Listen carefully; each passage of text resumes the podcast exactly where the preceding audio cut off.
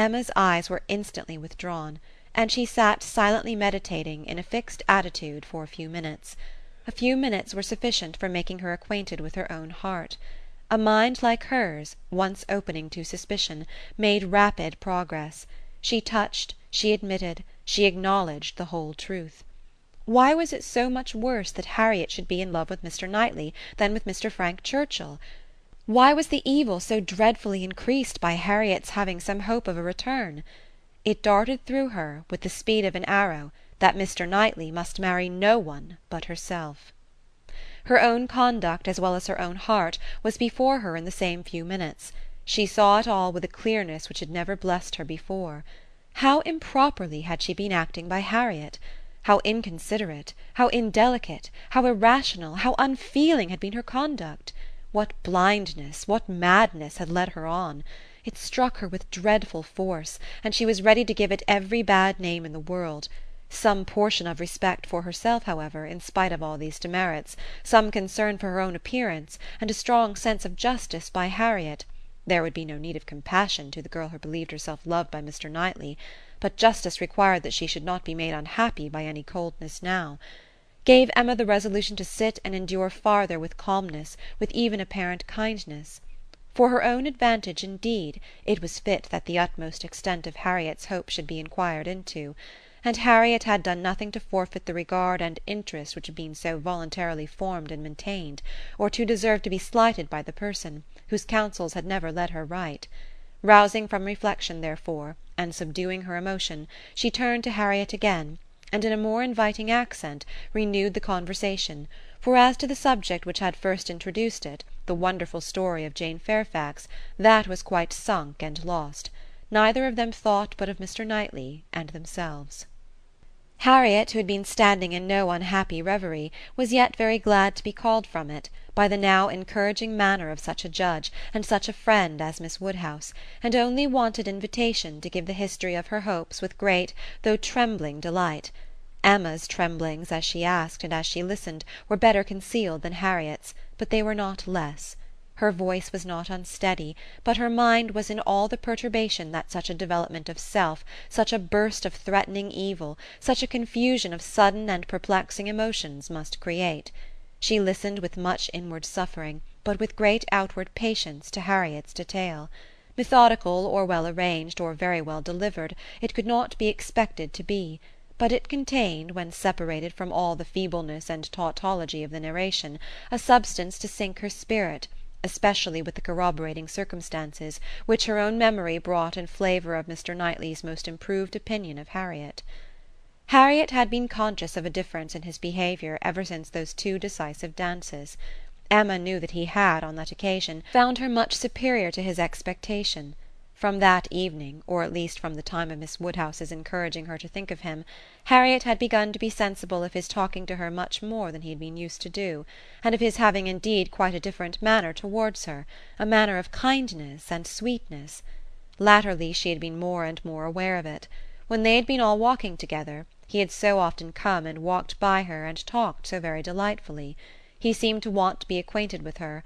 Emma knew it to have been very much the case. She had often observed the change to almost the same extent. Harriet repeated expressions of approbation and praise from him, and Emma felt them to be in the closest agreement with what she had known of his opinion of Harriet. He praised her for being without art or affectation, for having simple, honest, generous feelings. She knew that he saw such recommendations in Harriet; he had dwelt on them to her more than once much that lived in Harriet's memory, many little particulars of the notice she had received from him, a look a speech, a removal from one chair to another, a compliment implied, a preference inferred, had been unnoticed, because unsuspected, by Emma. Circumstances that might swell to half an hour's relation, and contained multiplied proofs to her who had seen them, had passed undiscerned by her who now heard them; but the two latest occurrences to be mentioned, the two of strongest promise to Harriet, were not without some degree of witness from Emma herself.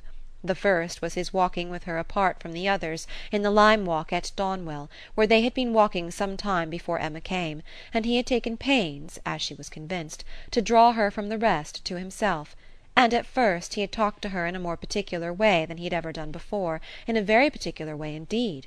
Harriet could not recall it without a blush. He seemed to be almost asking her whether her affections were engaged. But as soon as she, Miss Woodhouse, appeared likely to join them he changed the subject, and began talking about farming.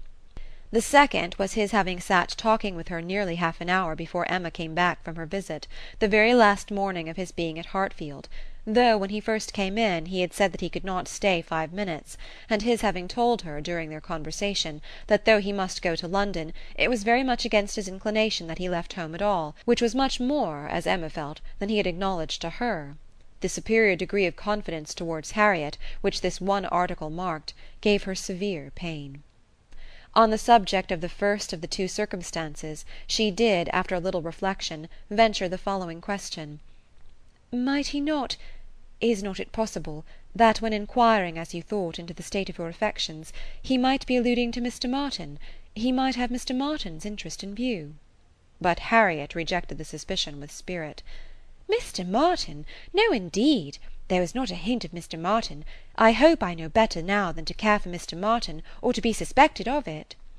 When Harriet had closed her evidence she appealed to her dear Miss Woodhouse to say whether she had not got good ground for hope. "I should never have presumed to think of it at first," said she, "but for you. You told me to observe him carefully, and let his behaviour be the rule of mine, and so I have. But now I seem to feel that I may deserve him, and that if he does choose me it will not be anything so very wonderful." The bitter feelings occasioned by this speech, the many bitter feelings, made the utmost exertion necessary on Emma's side, to enable her to say on reply, "Harriet, I will only venture to declare that Mr. Knightley is the last man in the world who would intentionally give any woman the idea of his feeling more for her than he really does." Harriet seemed ready to worship her friend for a sentence so satisfactory, and Emma was only saved from raptures and fondness, which at that moment would have been dreadful penance, by the sound of her father's footsteps. He was coming through the hall. Harriet was too much agitated to encounter him. "She could not compose herself. Mr. Woodhouse would be alarmed. She had better go." With most ready encouragement from her friend, therefore, she passed off through another door, and the moment she was gone this was the spontaneous burst of Emma's feelings. "Oh God, that I had never seen her!" The rest of the day, the following night, were hardly enough for her thoughts. She was bewildered amidst the confusion of all that had rushed on her within the last few hours. Every moment had brought a fresh surprise, and every surprise must be matter of humiliation to her. How to understand it all? How to understand the deception she had been thus practising on herself and living under? The blunders, the blindness of her own head and heart? She sat still, she walked about, she tried her own room, she tried the shrubbery. In every place, every posture, she perceived that she had acted most weakly that she had been imposed on by others in a most mortifying degree, that she had been imposing on herself in a degree yet more mortifying, that she was wretched, and should probably find this day but the beginning of wretchedness. To understand, thoroughly understand her own heart, was the first endeavour. To that point went every leisure moment which her father's claims on her allowed, and every moment of involuntary absence of mind. How long had Mr. Knightley been so dear to her as every feeling declared him now to be? When had his influence, such influence, begun? When had he succeeded to that place in her affection which Frank Churchill had once, for a short period, occupied? She looked back, she compared the two, compared them as they had always stood in her estimation, from the time of the latter's becoming known to her, and as they must at any time have been compared by her, had it oh had it, by any blessed felicity, occurred to her to institute the comparison!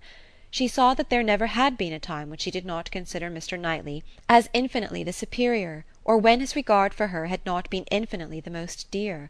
She saw that in persuading herself, in fancying, in acting to the contrary, she had been entirely under a delusion, totally ignorant of her own heart, and in short that she had never really cared for Frank Churchill at all.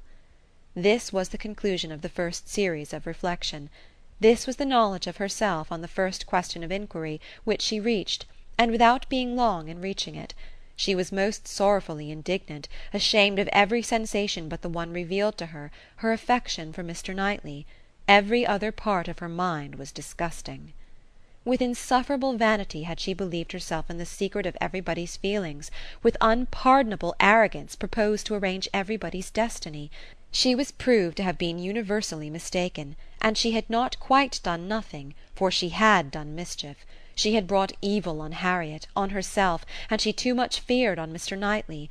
Were this most unequal of all connexions to take place, on her must rest all the reproach of having given it a beginning; for his attachment she must believe to be produced only by a consciousness of Harriet's; and even were this not the case, he would never have known Harriet at all but for her folly. Mr. Knightley and Harriet Smith! It was a union to distance every wonder of the kind. The attachment of Frank Churchill and Jane Fairfax became commonplace, threadbare, stale in the comparison, exciting no surprise, presenting no disparity, affording nothing to be said or thought. Mr. Knightley and Harriet Smith! Such an elevation on her side! Such a debasement on his! It was horrible to Emma to think how it must sink him in the general opinion; to foresee the smiles, the sneers, the merriment it would prompt at his expense, the mortification and disdain of his brother, the thousand inconveniences to himself. Could it be? No, it was impossible; and yet it was far, very far from impossible. Was it a new circumstance for a man of first rate abilities to be captivated by very inferior powers? Was it new for one, perhaps too busy to seek, to be the prize of a girl who would seek him? Was it new for anything in this world to be unequal, inconsistent, incongruous, or for chance and circumstance, as second causes, to direct the human fate? Oh, had she never brought Harriet forward, had she left her where she ought and where he had told her she ought!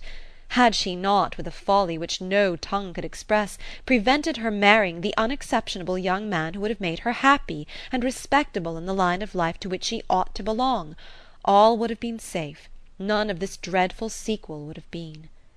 How Harriet could ever have had the presumption to raise her thoughts to Mr. Knightley, how she could dare to fancy herself the chosen of such a man till actually assured of it! But Harriet was less humble, had fewer scruples than formerly. Her inferiority, whether of mind or situation, seemed little felt; she had seemed more sensible of Mr. Elton's being to stoop in marrying her than she now seemed of Mr. Knightley's. Alas! was not that her own doing too? Who had been at pains to give Harriet notions of self consequence but herself? Who but herself had taught her that she was to elevate herself if possible, and that her claims were great to a high worldly establishment? If Harriet, from being humble, were grown vain, it was her doing too.